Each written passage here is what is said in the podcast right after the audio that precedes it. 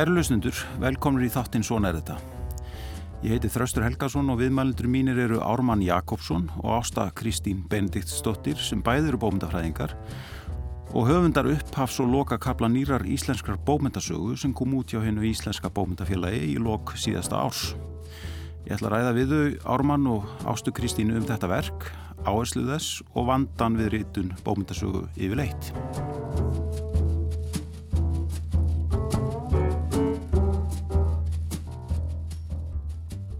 Ármann Ásta Kristín, velkomin í þáttinn. Takk fyrir. Takk. Þessi bókundasaga er ætluð sérstaklega háskólanum. Af hverju? Ármann, eða þú byrjar? Já, við erum nú flest háskólakennara sem skrifum bókina og höfum í mínu til ekki verið að kenna námskeið ansi lengi þar sem okkur fannst vanta bók sem hefði verið skrifuð sérstaklega handa þessum markkóp. Og auðvitað er markkópurinn stöðt að breytast. Sérstaklega nefnundur mínir núna Ég held að yngst þessi fættur 2003, þannig að þetta er fólk sem er ekki fætt þegar seinustu yfirleitsrið eru samin og okkur langa til að, að vinna verk sem væri svolítið miða við áhærandahópin, lesandahópin. Þannig að við getum skrifaða með þessa uh, viðtakandur í huga þó auðvitað þannig að aðri getur auðvitað lesið. Það er alltaf fleiri sem geta lesið en hinn ímyndaði lesandi og, og við hugsaum okkar ef hún væri nógu greinileg fyrir okkar nefnendur þá væri hún líka grein, nógu greinileg fyrir alla sem eru með prófur fæinu og alla sem áhuga íslenskum bókvöndum og, og, og hinn fróðlegs þyrsta almenning mm. Það hefur ekki verið skrifuð bókvöndasaga sérstaklega ætlu þessum lesendahópa áður eða hvað? Nei, þetta er þetta er í fyrsta sinn Já Einmitt. En er sko, finnið þið fyrir því að, að, að sko bómyndasögu þekkingu uh, nefnda raki eða, eða er, það, er það einhver ástæða fyrir því að þið farið út í ármann, þú eru náttúrulega kent lengi, hvað í 20 ár eða eitthvað slúðis? Það er nú uh, flókið að segja þetta, ég, allan tíman sem ég hef kent þessi námskeið þá hefur verið mjög mikil munur á nefndum í prófunum, þar sé að sumum gengur fjaska vel mm. vegna þess að það hefur verið heilmikil bókmynda sögukensla í framhaldsskólum en ekki jafn mikil í öllum framhaldsskólum og öðrum hefur gengið mjög erfiðlega vegna þess að þetta hefur verið mjög mikið námsefni sem hefur verið við létum lesa fimmbinda bókmyndasögverk og það reyndist erfitt fyrir þá sem ekki höfðu mikil grunn mm. þannig að það múi segja mikilega lítil, hún er all nokkur og, og það kemur alltaf óvart hvað fólk veit mm. Ásta, hvernig upplifið þú þetta í þinni kjenslu? Ég kem kannski með svolítið aðra reynsluðin í þetta því ég er nú tilturlega nýrkennari, búin að mm. kenna öðru hverju við háskólan í bara stundakenslu en, en, en núna á mínu fyrsta ári sem fastræðin eða sem, sem ráðin lektor og ég er að kenna núna bókmyndasögu í fyrsta skipti um, þannig ég fæ það áhugaverða og gleðilega hlutverk að fá glæni að bók inn í fyrsta skipti sem ég kenni íslenska samtíðan bókmyndi sem er þess að bókmyndasaga frá 1900 til samtímas mm. og ég verð að segja að um, ég náttúrulega var ekki ég vissi ekki að, ég, að þegar við byrjuðum að skrifa þessa, þessa bókmyndasögu að ég myndi síðan fara að kenna þetta námskeið en það að vera í sér stöðu núna er óbáslega skemmtilegt og áhugavert bæða að fá að prófa þessa texta á nefndum en líka bara að fá svona sér sníðin texta fyrir námskeið. Það er því síðustu tveir hlutanir í bókin eru sérstaklega bara ætlaði fyrir þetta námskeið og struktúrin námskeið er einhvern veginn nýtu góðs að því. Það fá bara eitt kaplala svona, hálf, bara svona e, matreita inn í námskeið. Mm. Að hvað leiti er þessi bómyndasaga öðru vísi heldur en bómyndasaga máls og menningar sem kom út? Getið einhvern veginn náðu utan á það? Sú er náttúrulega miklu ítalegri eins og þið segið en er hún að öðru leiti ólík? Hún er náttúrulega bara allt öðruvísi myndi ég segja, mm. ég held að það sé alveg klárt mál. Uh, eins og Arman var að segja, ég hef nú aldrei prófað að kenna stóru bókmyndasöguna en ég hef lesið hana sundur og saman, sérstaklega kaplana um síðari aldir. Og hérna þetta er bara uh, það er ekki neinn tilrun í þessari bók til þess að segja einhverja stóra djúpa sög eða þess að stöðutar við að segja stóra sög en við erum ekki kafan eftir staklega djúft við erum meira að um, hugsa um þetta sem mósæk mynd. Um, gerum okkur fulla grein fyrir því strax á upphafi að við myndum aldrei ná að segja eins mikla og stóra sögu eins og við gerði í, í þessu stóra fimmbindaverki. Þannig að við erum að segja allt aðra sögu í rauninni. Við erum að, að eh, já, raða saman brotum raun og veru bara ólíkum áttum og, og, hérna, og leif okkur að um, já, raða en kannski samanhaldi annan háttaldur en hefur verið gert mm. Mér, Þú skrifar ingang Ármann og það segir til dæmis að þið hafið það hafi verið mikið samtal á millikar, mér, skilst að þið hefur verið að skrifa síðan, hvað, 2018 eða eitthvað svo leiðis? Já, við eiginlega hófum störf það vor minni mig og Þi, Þið eru svona sex höfundar Við erum sex höfundar sem völdum okkur saman eða bara sjálf Já. og sagt, ég held að það sé miklu meira samtal millir okkar en var í fimmbindaverkinu líka vegna þess að þetta er allt sett saman á sama tíma Já.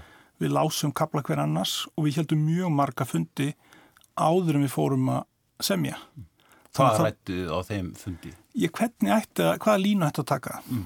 og, og það er svolítið mikilvægt að sé samstanda vegna þess að efnið er gjör ólíkt, ég menna aðstæðnur eru ólíkar, svo eru all, alltaf hver höfundum í sín sérkenni mm. þannig ef það er engin viðletning til að halda þeim saman, þá, þá faraði bara hver í sín átt, það er alveg augljóst þannig að við reyndum svolítið að hugsa eins og einn maður að því margir sem við gátum mm.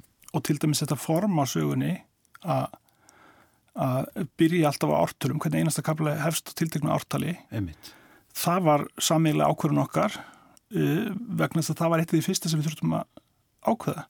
Og þetta er feikilega frelsandi fyrir mig sérstaklega held ég vegna þess að mitt tímabil hefur aldrei verið sagt með ártölum áður. Það er þess að venjan er ekki svo að nýta ártölun í eld, þegar kemur eldri bókmyndum vegna þess að það eru heilmikil óvisa um ártölun og bara með því að hafa tímavingilin svona sterkan í sögunni það þýðir að hún verður allt öðruvis en fyrir bókmyndasögur mm. og hún verður meiri menningarsaga og það er náttúrulega eitt sem hefur verið að gerast hægt og hljótt og kemur alveg skýrt fram í þessari bók að sagan er alls ekki lengur bara upptalning á höfundum og verkum þeirra. Það er að segja, eldstu bókundsögur voru það, þeir voru listar af höfundum og verkum. Smásamar kom alltaf fleiri personur og leikendur inn í myndina og þar á meðal viðtakandin, samfélagið, samhengið.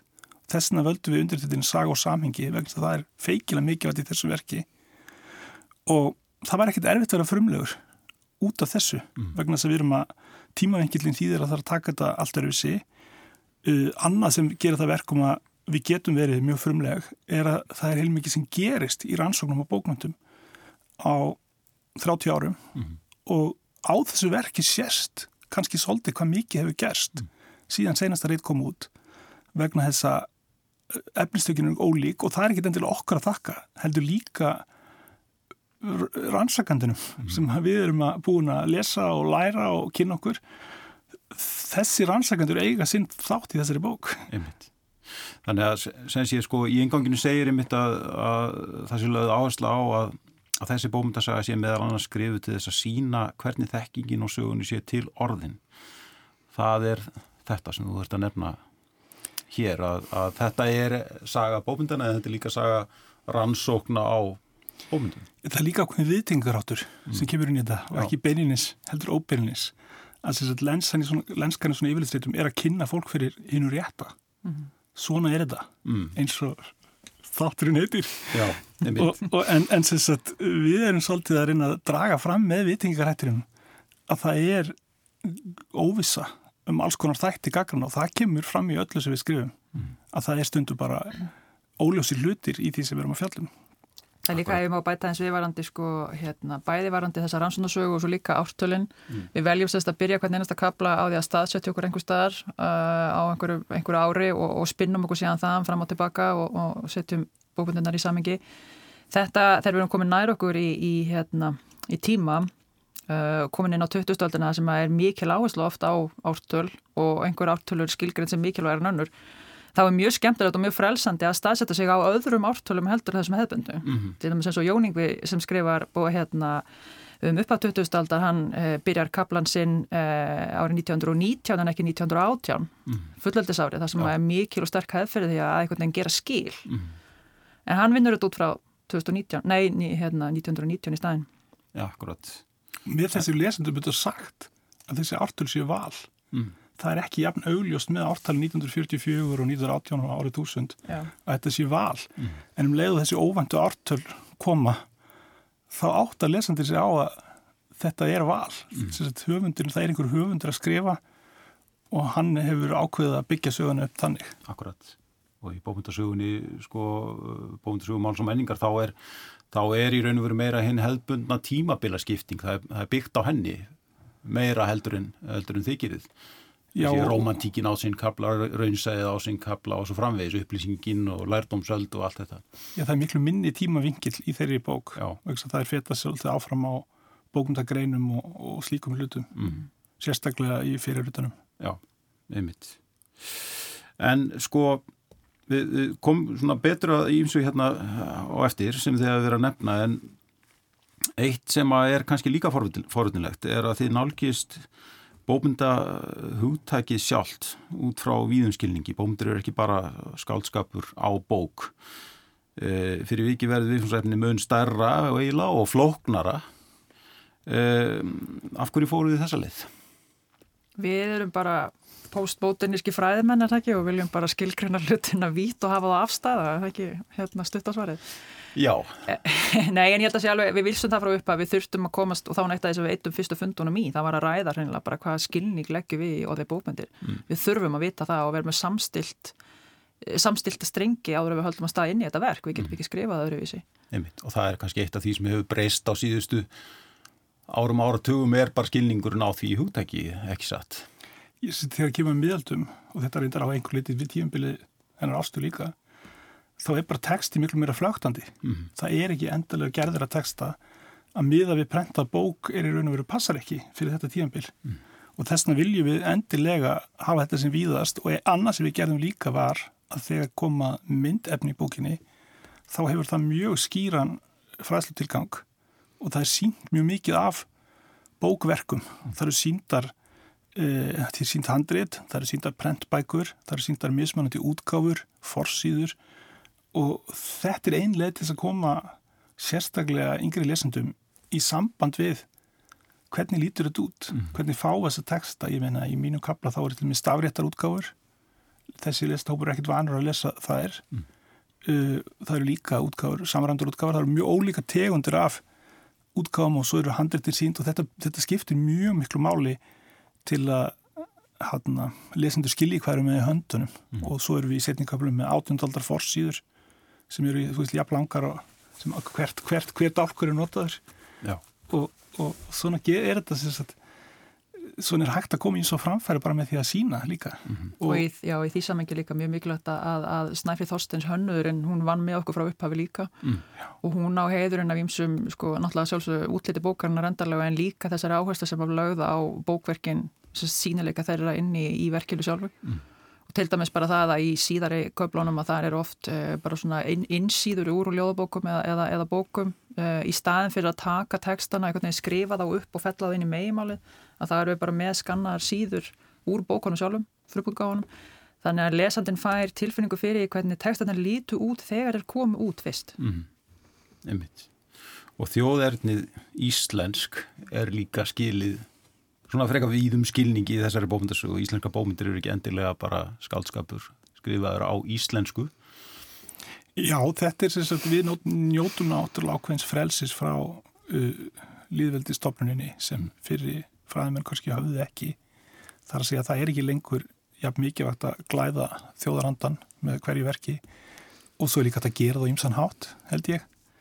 Uh, þannig að ég held að við kynnum bara stöðug erlend áhrif á íslenska bókmyndsögu og nærveru bara í all, öllum textanum, bara sem sjálfsæðan hlut og þetta er að þannig að ég minna fyrsti kaplinn hefst 453 það er 400 árum fyrir Íslands byggð Akkurat. og það er engin tilverun Íslensk bókmyndsögu hefst ekkert á Íslandi mm. vegna það fjalli hlut Íslandika taka við fornum menningararfi sem mm. er ekki aðeins okkar og ég held að okkur hafi ekki fundist ástæð til að draga fram það sér íslenska ekki lengur Nei. Að hún byrjar ekki á Íslandi og henni líkur og er ekki bara á Íslandi heldur að því að núna búum við í heimi sem er mjög uh, alþjóðlegur, þverþjóðlegur og svo framvegis. Þannig að eitt af því sem við talaðum líka í síðustu köflunum er, er sko eh, bókmentir innflytjandi á Íslandi, rattir fólk sem er að verðandum uppruna eða með reynslaði að búa annar staðar en hér og svo framvegis. Mm. Akkurat Ástatalar um bókamensin í Frankfurt. Þegar Íslandikar herjiðu á Európu já, já. það er sér svona öfug vikingaferð fyrst komum við til Íslands og nú erum við að yfirkja á Ísland til að verða heimsvæg á nýj og bókmyndasaga eh, snýst líka óhugamilega um samhengi eins og sagt er í tilli verksins. Uh, uh, þið eru að fjalla um sögu og samhengi í íslenska bókmynda en þið tala líka um vistkerfi bókmyndana og, og, og bókmyndakerfi og, og sko getið aðeins talað um þetta, þetta skýri líka svona, finnst mér líka svolítið það sem þið eru að gera í þessum bókum. Hvað er við með vistkerfi bókmyndana ég syns að eða bókmynda, bókmyndakerfi öll bókmyndasagal er einhverjum svolítið kerfisleg. Mm. þú veist við erum að skoða þetta er, þetta er kerfi, þetta er ferlar og þetta er svona hlutir og, og ég held að það sem við gerum sé að bara draga það svolítið fram. Veist þau eru alltaf fyrir hendi kerfin en stundum eru pínlítið ósýnileg af því það er einblind svolítið mikið á einstaka mm. en ég held að við höfum reynd öll að koma því svolítið skýrt á framfæri mm. hvernig hvað þú segja, hugsanakerfið er svo við notum gammalt og gott postmodernist orð Já. Og líka bara þetta að bókmyndir er ekkert bara, það verður ekkert bara til einhver staðar og af því bara veist, og það er ekki bara einhverjar höfundar sem búaður til það er líka útgefundur og, og, og all, allir, allir í kringum þá sem að semja söguna og komin á blad og, og svo framvegis. Og svo tólkundir og rannsagendur og þá, þá, þá erum við kannski komin aftur á spurningunum að hvernig þekkinginu á bókmyndunum hefur orðið til sem við nefndum á þann og og ein af þeim breytingum sem er orðið sem þið nefndur reyndar á það líka það er að, að, að sem sé að svona bara á síðustu 20-30 árum hafa rannsóknur í íslenskum bókmyndum aukist mjög mikið.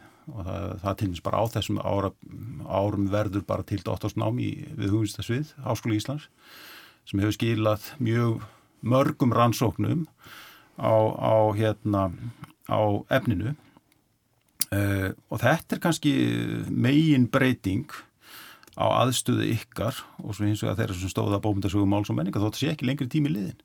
Ég, ég heiti mannum daginn sem sagði mér að það hefði lokist upp fyrir honum við að lesa þessa bók var hvað bókmyndaransóknir hefði staði miklum blóma senast áratíi en það er ekkit endilega tilfinning okkar hverstaslega sem erum að baksa í þessu við mm. miserfið lífskjör að þetta sé eitthvað við sem að lifa eitthvað blómaskeið mm. en svo þegar þetta kemur allt saman saman í svona ríti þá sér maður að það hefur mjög margt gerst mm. Mér slíka, sko, við erum við vorum ekki að gera rannsóknir í okkar skrifum þannig séð og þetta rannsóku við heilmikið og lásum heilmikið og allt þetta mm.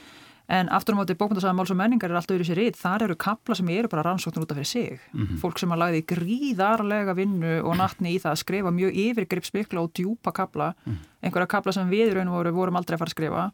En það er þessa rannsóknir sem við séum reynum að sko miðla e, í okkar bókmyndasöguverki. Mm. Þetta er, uh, þetta er meira samantekt á því sem að hefur, hefur verið skrifað og sagt um um, bókmyndir á. Þetta er náttúrulega tilgangsmiðu bók, Sest, hún, hún, við máttum ekki skrifa meir en við gáttum skrifað. Mm. Við vorum með tíma áallin, við vorum með síðu áallin, mm.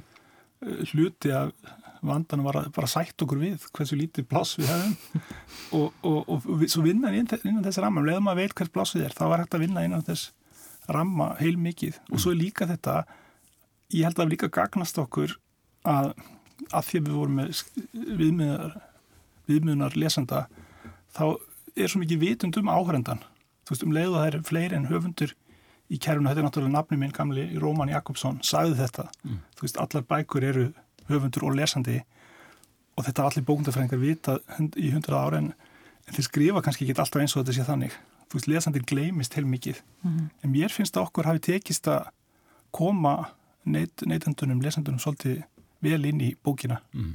Mér finnst sko aðal mark, aðal, svona, eitt af því svona um, verkvarðanum okkur þar finnst mér vera að svo ákvörðu sem við tókum bísnarsnæma líka að gera lesandan alltaf eins mikið við getum meðvitaðan um það að þetta er tilbúningur. Mm. Þetta er ekkit e, ný rétt allsönn bókundasaga. Þetta er, þetta bara okkar útgáfa bókundasögunni og við reynum bara linduljóst að gera lesandar meðvitaðan um það alltaf frá upphafi. Og þar að leiðandi er hann sjálfur dregin inn. Lesandin veit frá upphafi að það er hann líka sem er að hugsa um hlutuna með gaggrinum hætti og, og, og móta sér sína eigin skoðun á, á bómdasögunni Emmitt Þið skrifið þið tvö, þið skrifið fyrsta og svo síðasta kaplan í uh, þessu riti um, upp af íslenskra bómyndasó og svo síðustu ártíðina og Ármann, þú reykur eins og þann upphafið aftur til ásins 453 það, það, er tilturlega nýtt. Það er ártal í íslenski bómyndasó það er hálfskent ártal en þar, það dó allir húnagonungur sem verður síðan persónu í íslenskum bókmyndum þó hann hef aldrei til Íslands komið. Já. og sangant setni tíma sagnarítur um þá dó hann á blóðnusum.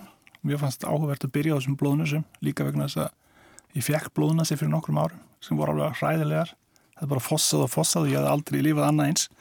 Og maður er ekkert í lífsætu þegar maður er með blóðnasir en það er fjandi óþægilegt Já. þannig að mér fannst þetta að vera persónulegur staði fyrir mig Já. að byrja á en svo vitum við ekkert hvort allir var til eða jú við vitum að Attila var til en nákvæmlega hvort hann dóð þannig eða hvernig málsatvík voru þau eru svolítið óljós þannig að, og það er náttúrulega það sem Íslandika flytja með sér er allir sér kveðskapur sem er líka til annar staðar Mm. en hefur ekki varðveist þar og hann rekur sögu sína svona langt aftur og svo þetta um, þurfti ég að hætta einhver staðar þannig að við við vorum ekkert alveg harða ákveðin við aðalheður hvernig við ætlum að skipta þessu því við hefum eiginlega getað að skipta þessu hvernig sem er Mm. en, en, en uh, við sættumst á hún takkið setni hlutana ég fyrri Mm. og þá hættu við svona í kringum 1250 þannig að og síðan hef ég verið að kenna sem sagt, við ástæður víja bókina í okkar kennslu núna þess að þetta missirið og ég hef verið að kenna okkar hluta begja okkar aðlegar sem, sem er skemmtilegt það er, það er auðvitað afar skemmtilegt að skrifa kenna það sem ég hef skrifað Mm. en það er líka svolítið skemmtilegt að kenna það sem hún hefur skrifað þannig að, þannig að þetta, þetta er ævintýri Já. En sko, er ykkur sko önnur dæmi um sem sé í þínum kabla um, um svona tímatal sem að, sem að hérna sem er óvinnulegt uh, sem myndi vilja nefna sko eða, eða svona hver uh, ert að segja söguna með einhverjum öðrum hætti eldur en til dæmis var gert í bóndasögum álsmenninga bara með því að byrja ártalið þá er maður að gera það Mm. og ártunns í valdi eru svolítið menningarleg þau tengjast ekki til um einhvers tildekis verks heldur er þetta spurningum rítmenninguna, hvernig hún kom til Íslands um félagslegt samhengi helgisagnarítunar Mm. Um hugsanlegt félagslegt samhengi veralleira sagnarítunar bókmynda rittarasagnuna Mm. þetta eru þessi ártöl höfðu heilmikið áhrif á hvernig ég skrifaði kaplana með því að velja þau, enda voru þau nú ekki valina tilvíðin, þá er einhverjum mótaði það svolítið, kaplan sem á eftir fór. Við auðvitað gáum okkur frelsi til að fara bæði fram og tilbaka. Það var eiginlega ekkert þetta var einhverjum bara hjálpargagn ástalið til að byrja þarna og á einhverju textadæmi viðbyrði, texta einhver sem gerist og síðan getur maður uh, nota það til að fara á aftur og þá se- segir maður ákveðna sögu með því og þess að senasti kapli á mér er sagan um uh, áhrif Norriskonungs á íslenska bókundsögu Akkurat og næst senasti uh, næst senasti kaplin er sagan um áhrif hinn að alþjóðleru katólsku kirkju á bókmyndirnar og, og þessi á undan er, er bara skriftin og, og, og þróunin frá einu einu hérna formi til annars, einu miðli til annars og þannig verða allir þessi kaplar svolítið sterkir held ég, af því að ártalirunur býr til skýran fókus. Akkurat. Nú svo er í fyrrabindinu eru það aðalegur Guðmundsdóttir sem hún nendir og Margret Eggersdóttir sem skrifa um bókmyndi frá miðri 13. öld og fram á setni hluta þeirra átjöndu. Þetta er 500 ára saga í, í, tveimur hlutum. Og á þessu tímanbili verða stór tíðindi á borðið til komið prentsins og, og síðaskipti verða og, og það hefur nú stundum einmitt verið talað um það að þessi tímanbili sem minnst aðtegli við fengi í Íslandlu bókmyndisögu, svona hvernig nálguðust þið þetta verkefni, þetta stendur nú kannski þér nær. Ég syns að Ármann. þessir kaplar uh, koma lesendur þar svo óvart.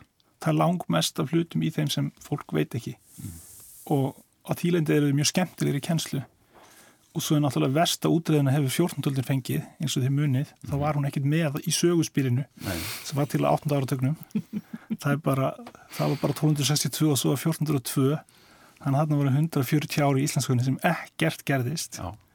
og eins og þið kannski muni líka þá var, vor fekk 14. öldin að vera með hér Jónas í Triplu en það var bara Íslendingar að gera rópa útlendingum af því að þú veist það var það sem Jónas, saga, saga sem Jónas vildi segja og hér er því te- fe, fe, feiki mikið tækifæri til að uh, fyrir lesendur að kynast nýjum hlutum og líka vegna þess að þegar við erum með tímatala undir Mm. það er með tvö ártölu á 14. öld þessari tíndu öld og þá verður lesandina að segja á þessu tiltekna menningarskiði og auðvitað segjum þetta mjög mikið í samhengi við erlenda menningu og það er náttúrulega mjög sérstætt að ganga ára svona köplum sem það sem hérna pláunar voru mótandi, ég menna það er pláan í Európu sem ekki kemur hingað og svo er þessar tvær pláur hjá okkur sem ramma 15. og auðvitað þú veist að vera að vinn klára þessu bók einmitt þessum tíma að tala um pláur það er náttúrulega sérstætt það er sérstætt andrúksloft við Já. það einmitt.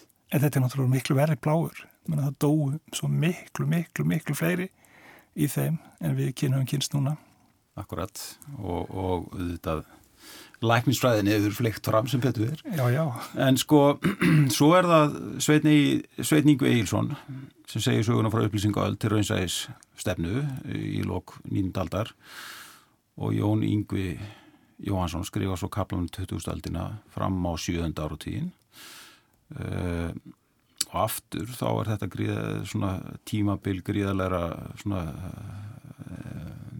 mikill atburða það sem eiginlega allt breytist nútími verður til, bestir Íslands og breytir bæði samfélagi okkar og menningum með öllum sínum fjölbreyttu ismum og, og, og, og það, þarna svona ímynda maður sér að, að, að þegar þarna er komið sögu í bómdasöguritunum fyrir sjónarhornið að skipta jáfnvel enn meira máli því að til dæmis bara eh, miðlarnir sem að hérna, verða, þeir verða fleiri og floknari og hafa, hafa æmir áhrif á allt samingið, ekki satt? Jú, klálega.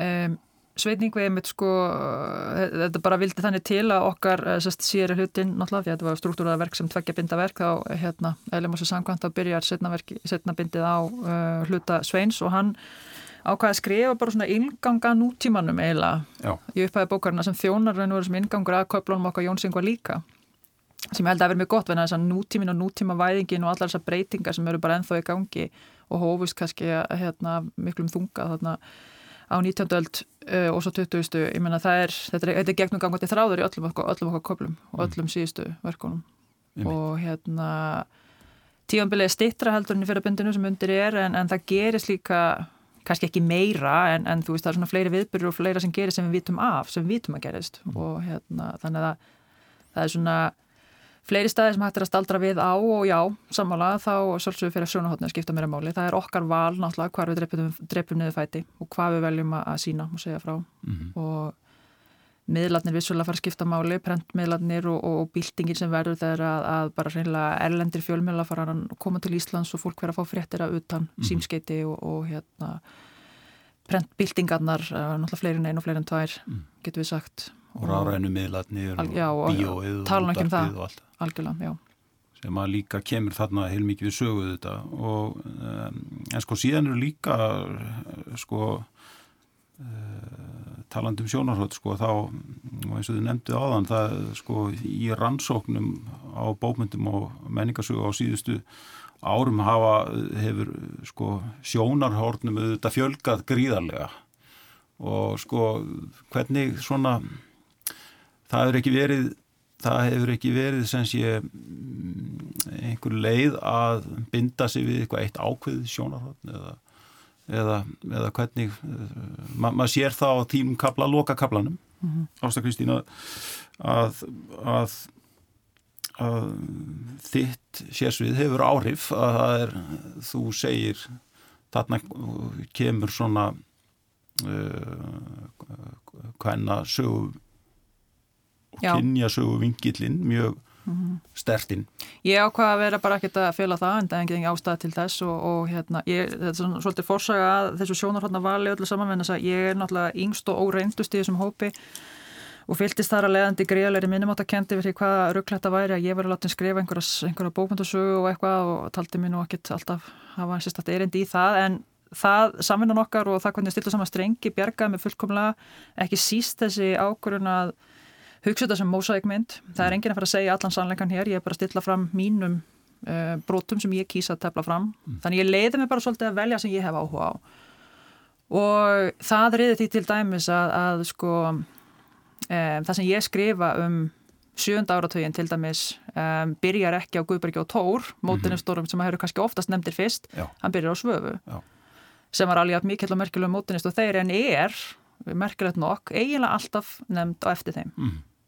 Og þetta er ekkert eitthvað rótækt, skiljiði, að gera þetta, þú veist, en þetta er samt feminist sjónarhótt sem ég stillu upp strax í upphafi og er bara byggt á mínum mínu sérsvið sem eru hérna hins veginn bókundir og svo feministka bókundir náttúrulega líka og svo líka bara öllum þessum kvenna, feminísku kvenna bókmyndaransóknum sem er búin að fara fram síðustu áratöginna. Mm. Það, er þær sem að fá að skýna hann í gegn sko.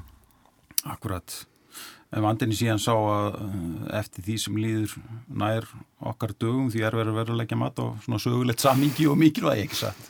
Það er kannski þinn stóri vandi í þessari bókmyndarsagnaritin. Já, Uh, að skrifa, ég saði einu sem við sjálf mig að ég ætlaði alltaf bara í mínu, mínu, mínu starfi og mínum rannsóknum alltaf bara að skrifa um dái fólk uh, það er ekki hægt að skrifa, skrifa bókmyndasögu samtímans og ég var bara að gera svo vel að, hérna, að býti það súr epplega, ég þurfti bara að skrifa um fólk sem hefur vantilega skoðanir á því sem ég er að skrifa mm. og það er bara allir góðu lagi, mér hefur tekist einhvern veginn upp fyrir það, þau verður að leggja mat á það En ég held bara áfram að uh, láta þessa mósækmynd og þessi, sko, þessa, já, þá nálgun stýra mér þegar ég kemur fram í samtíman. Þannig ég vel að stilla upp bara algjörlega, ég vil ekki segja handáskendum, en, en svona, uh, ég stilli upp bókbættasögu sem er alls ekkit svo sama saga og einhver annar myndi skrifa. Mm. Vist, ég vel bæði áhugaverðar rannsóknir sem er búin að fara fram á síðustu árum Uh, til dæmis bara það sem auður aðstæðstóttur er búin að skrifa um elgós og náttúrhanfarir og, og, og, og byrtingamindi þeirra í bókmyndum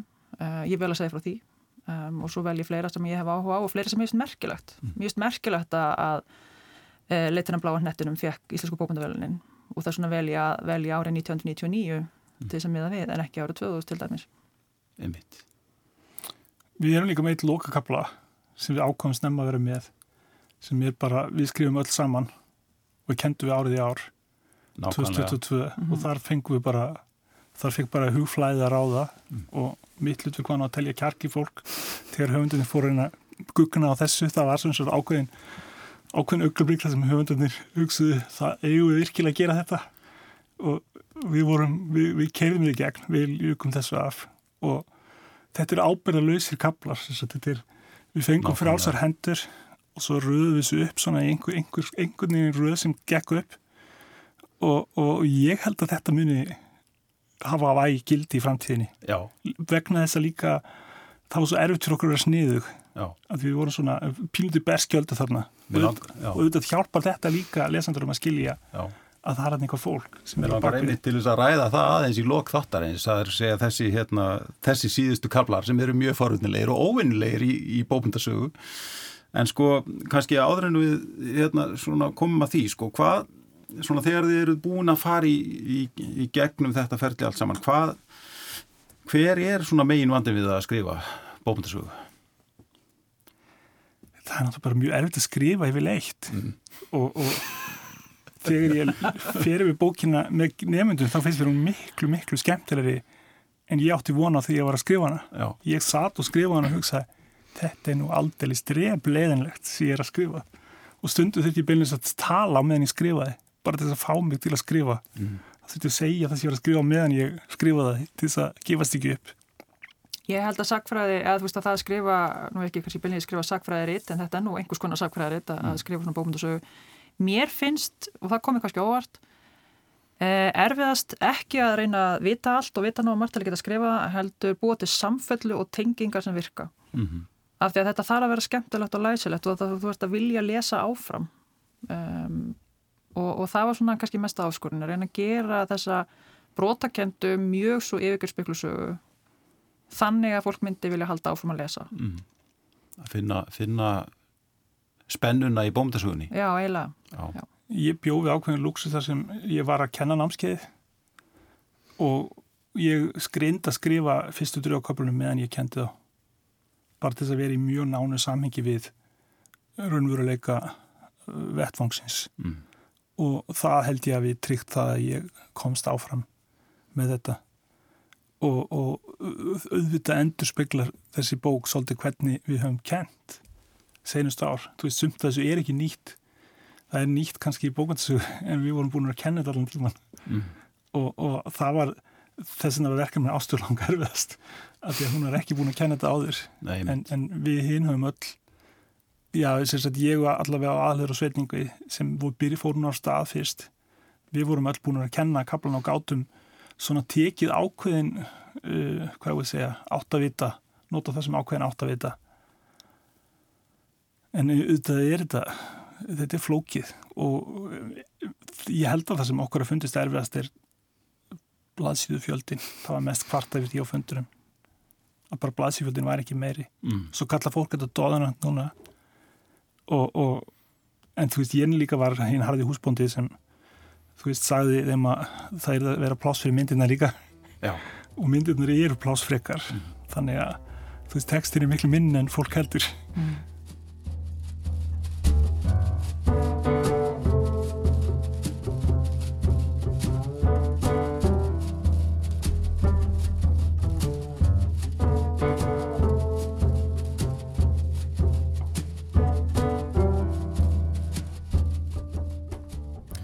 Kæra lusnendur, ég heiti Þraustur Helgason og þið eruð að hlusta á þáttinn Svona er þetta. Gestir mínir að þessu sinni eru Ármann Jakobsson og Ásta Kristín Benditsdóttir, bómdafræðingar.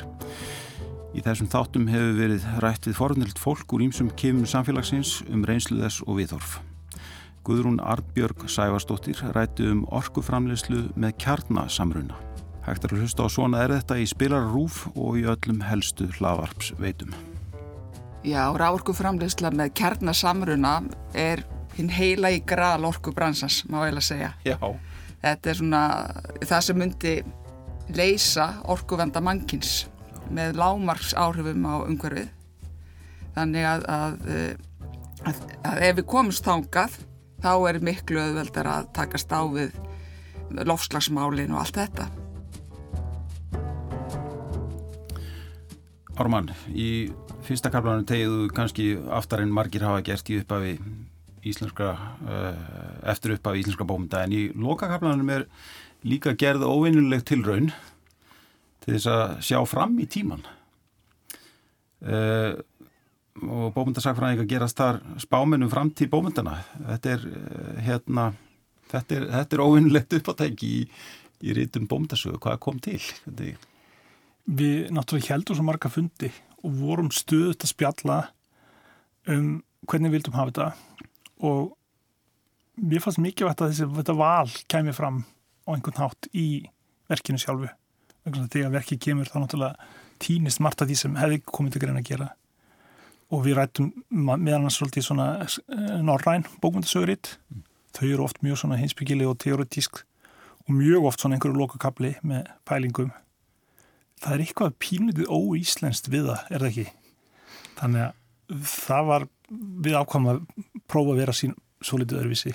já. Ég held að ég hafi stungið upp á þessari hugmynda mjög og eigingjörnum ástafan sem ég vildi ekki hafa lokaorðin. en svona öllu grínisleftu þá held ég að hérna, ég meina, þetta er líka bara undirstrykun á því að bókmyndasögunni líkur ekkert með þessari bók, hún heldur bara áfram. Já, einmitt. Og þetta er forðunlega tilrönd kannski að, þýritinu til að við stöndum ákveðnum skilum í sögunni þar sem að uh, þó þetta sé alltaf erfitt að alltaf því fram. Uh, það, það, það er sem sé enn gefið mikið út af bókum og, og jáfnvel fleiri bækur en okkur sinni þráttur er allar, allar rakspár um bókina á undanförnum áratugum. En aðri rafræni mið, miðlar sækja æmir á, sérstaklega hljóðbókin núna á síðustu árum. Við gert mjög rætt og eiginlega óvænt. Uh, við erum farin að hlusta meira á bómyndir en við höfum gert á, á tímum prentsins. Uh, breytir það einhverjum við tökur og skilning á bómyndum haldið þið? Sumikar veltið þessu aðeins fyrir ykkur í þessum köflum? Mér finnst þetta alveg ótrúlega áhugaverð pæling og ef ég hef verið að klára kaplana mína núna þá hef ég tekið inn í myndina það sem Haldur Guðmundsson er búin að vera að tala um núna hérna, og halda fyrirlösturum og ræða um uh, hljóðbókavæðinguna mm. á Íslensku bókmyndamarkaði og hvað áhrif hún hefur haft og hvað hann hefur gerst og hvað hann hefur rosalega stór og hérna við vitum náttúrulega ekkert hvernig framtíðin verður en, en þetta er mikil breyting en ég hef á tilfengun hún eftir að ebla bóklastur þó hún breyti í leiðinni skilgrinning okkar á því hvað lestur er. Mm -hmm. Þetta, þetta kannski, snertir kannski aðeins þitt rannsóknarsviði líka ármann á ávendan hátt vegna þess að þetta er það sem fólk gerði á miðaldum, það hlustaði á sig. Hlustun var aðal formið mm.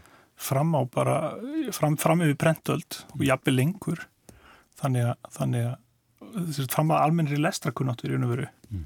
þá er að lang flestir sem njóta bókmynda í gegnum hlustun mm. þannig að þetta er að einhver leiti endur reysn hlustuðurinnar mm. og þá var kannski minnum að fólk nýtti bóku í einrúmi en á meðan nútíma hlustun er einmitt mjög mikið í einrúmi þar sé fólk er með þetta í eirunum og, og einangur sig frá umhverfinu með hjálp bókarnar mm. það er svolítið erfitt að meta hvað áhrif þetta hefur þú veist, fyrir dæmis þurfa þeir að skrifa öðruvísi Já þetta er eitthvað sem held ég er í tvöndar að fatna að hugsa um. Já, en er, er til dæmis ekki eirað móttækilegra fyrir sko línulegri framvindu heldur en til dæmis mjög flóknum, flóknum struktúrum í texta eða hvað? Jú, og ég minna uppleistur hefur náttúrulega lengi verið tíðkaður úr bókum en ég hef ekki hugsað þannig því að skrifa mínu bækur. Mm. Ég er ennþá að hugsa um lesandan þannig að þetta er talsveið áskorun mm Þetta er bara greiðlega spennandi. Hugsaðu ykkur líka að nú eru hérna, upplesarandir og leikararnir, eða náttúrulega ekki allir leikarar, en fólki sem er að lesa upp bækunar eru á því hluti af performansnu sem bókin er. Já. Bara rétti svo leikarar eru, eru að leika eh, texta. Mm. Þetta er mjög skemmtilegt fyrst mér og spennandi en ég hef engin svör náttúrulega, frekar en aðrir. Ég held að hundar hins vegar hafi oft mjög lítið að gera með hverju les bókina og, Já, og, og, og þetta, svona, þetta kannski dæmum að hundur sé að fjarlægast það sem er aðalatriðin í einn verki. Mm. þannig að þetta er flókið allt saman. Já, uh, þú segir mitt í engangi Ármann að það sé enga veginn vísta fleiri prentaðar bóndasögur uh, muni fylgja í kjölfar þessarar. Nei, það er náttúrulega alfræðiritin voru fyrst til að deyja sem prentverk. Já. Þú veist, ég myndi segja að alfræðirit og orðabækur væru nánast ég nánast eindauð sem prentgripir. Og þá er spurning hvort yfirleitt verð ekki næst. Já. en við náttúrulega reyndum að hafa þessa bóku mjög aðlandi sem prentgrip. Mm. og það sést svolítið að nefnundur okkar hafa kift bókina þó þeir fengju hefðu aðgang að PTF gerð þá verður hafa margir kiftana þannig að það bendir nú til þess að prentgripurinn sé ekki alveg steinduður mm. en við ennum auðvitað verður setna til rafræðan aðgangur á þessari bók. Menn að það var ágjast frá uppafi og það held ég að sé í vaksnandamæli þannig að fólk gerir frá upp, uppafi ráð fyrir öðruvísi miðlun. Mm. Akkurat en sko hvað eh, sko og nú í lokin koma náttúrulega erfiðu spurningan þar. Hvað hvað, hvað sko hvað einnkinnir bómyndir eh, samtímans og hvað, hvert eru við að fara? Að því að þið skrifum takk í þetta besaliti að leiði að að tala um það sem á eftir að gerast? Sko, um, þú veist náttúrulega að það er ómögulegt að svara þessar spurningu. Já. Já, þú gerir nefn fyrir því. Um, eitt sem er skemmtilegt, í, ég, í lokin á, á síðasta kaplanum mínum sem ég skrifaði þarna uh, snemma ás 2000, eða sumari 2021, að það ekki? Já, allavega, þá var ég, það var sérst fyrir haust, síðasta haust og þá er ég að undra mig kannski á því eins og hefur verið gert orðið hverju undarfari akkur er ekki meira til af bókum uh, sérst, hérna Íslandíka af erlendum uppruna eða inflytjandi á Íslandi? Mm. akkur eru þeirra rattir og presens hérna sérst ekki og heyrist ekki meira í íslensku bókmyndum og hvað gerist svo strax á eftir að koma út tvær mjög merkjulega bækur löðbækur bara í haust sem einmitt gera nákvæmlega það? Og ég held að það sé þetta er eitthvað sem að er að fara að gerast held ég auknum á lefi, þú veist, rætti þetta sem heyrast í bókormarka að vera fjölbreyttari eða bara því að við erum fjölbreyttari sem hérna, þetta mengi sem við köllum Ísland, hvernig það svo lítur, sem lítur út. Um, Já, Ármann. Ég, ég veit eiginlega ekki alveg, það er svolítið það það er svolítið erfitt að vera glöggskinn á samtíman Mhm. nákvæmlega hvað er að gerast núna. Við sjáum hann allt öðruvísi en fólk mun sjá hann eftir og bara gott dæmi þetta er þessi, þetta þessi uppgötuna það hefði verið heilmikil grúska í bókundaransóknum þetta voru jafnvel bókundafræðingar ekkert sérstaklega velta fyrir sér Mm. en, en þetta sérst um, ég tala eins í mínum kapla hérna, ingangskaplanum um vídeospóluna Já. en vídeospólan hún náði miklu flugi Mhm. ég meina, það mun allir brandarnum bæja út á landi sem voru með tvo vídeo, tvær vídeolegur vídeospólan fór mjög víða en hennar blómaskeið var mjög stutt Já. og núna er hún eiginlega stein döð og, og svona geta ný form og, og það er voru seldar hérna, vídeospólunum voru seldar í bókabúð Snæbjarnar á tíumbili þá smér maður hérna bókabúðin er að allra vera með í framtíðinni nema svo var þessi framtíð ekkert mjög langvinn. Og þetta er svolítið þann sem við lærðum á tölfur mann ég. Já. Í framhaldsskóla og svo held ég að tölfur að það hefði verið aflöðu sem grein skömmu síðar af því það var einhvern veginn fólk skildi ekkert hvað átt að gera við allt þetta tölfunám og það breytist einhvern veginn var það allt öðruvísi. Sem við lærði, ég lærði forreitun það þótti ró- mjög mikilvægt á nýjunda áratugurum það var satt framtíðan manneskjan hún mun kunna forreitun en svo held ég sé nú ekki þannig að allir, og- allir kunni forreitun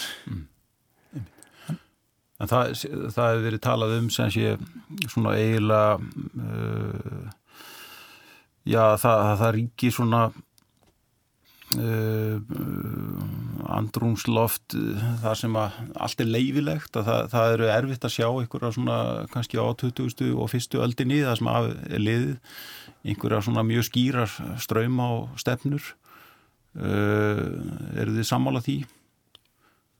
Ásta Kristín? Já, kannski, en ég held bara að það sé erfitt að segja eitthvað um það þegar við erum ennþá svona nálagt tímanum. Það er í raun og veru voða lítið sem hættir að segja maður horfið 15 ára eftir í tíman og reyna að koma auðvitað á einhverja ströymar og stefnur. Maður held, held ég þarf að fara aðeins, aðeins svona lengra inn í 2001. öldina að það er hægt.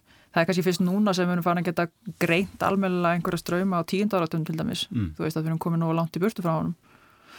Þannig að ég veit það ekki alveg, en jú, vissulega er, fólk hefur náttúrulega með marga möguleika þegar það er að skrifa og semja skáld, skáldskap, marga miðla uh, hefur náttúrulega rosalega aðgangar rosalega margvíslegum bókmyndum frá síðustu áratugum til þess að byggja og, og fá innblástur af um, en það er líka miklu auðveldara núna að, að nálgast svona uh, að verða taka alvarlega á fyrstum tökum að vera rítuundur. Mm. Þú getur farið í rítlistanám í Háskóla Ísland sem er bara eitt, eitt vinsalasta námi og meistrastíði til dæmis í, í hérna okkar, í okkar, okkar sviði mm.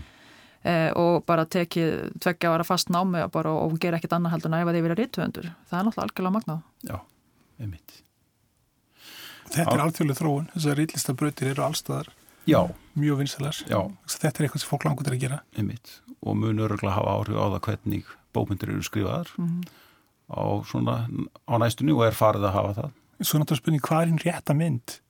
Þú veist, við höfum enga tilfinningu fyrir nútímanum, við höfum skýra tilfinningu fyrir 50, því sem er miklu eldra en, en það er kannski allt unni tilfinningar fólk hafið þá og þá er spurningin, hvað tilfinningin er, er réttari? já, En svo líka er þetta líka, þú veistu, myndin sem við höfum til dæmis af, og því ég nefndi tíund áratvíðin, hún er einfallega búin til af þeim sem hafa skrifað eitthvað um tíund áratvíðin. Mhm. Þú veist, við erum líka að hugsa um það að þeir, þeir sem að, og við kannski gerum okkur ekki grein fyrir því þegar við erum að skrifa um samtíman, rítdóma eða einhverja bækur, um einhverja nýgkonar bækur, þá erum við ósalátt svona svolítið að í litlu brotum að búa til myndina sem fólki mun hafa af þessum tíma eftir 20, 30, 40 ár. nákvæmlega. Þetta er auðvitað megin atriðið. Mhm. Það var gaman að fá okkur í þáttinn. Ármann og Ásta Kristín, takk fyrir komuna og til hafingi með þessa fínu bók. Takk fyrir þér. Kæru lausundur, við verðum hér aftur að vikuleginni. Góða stundir.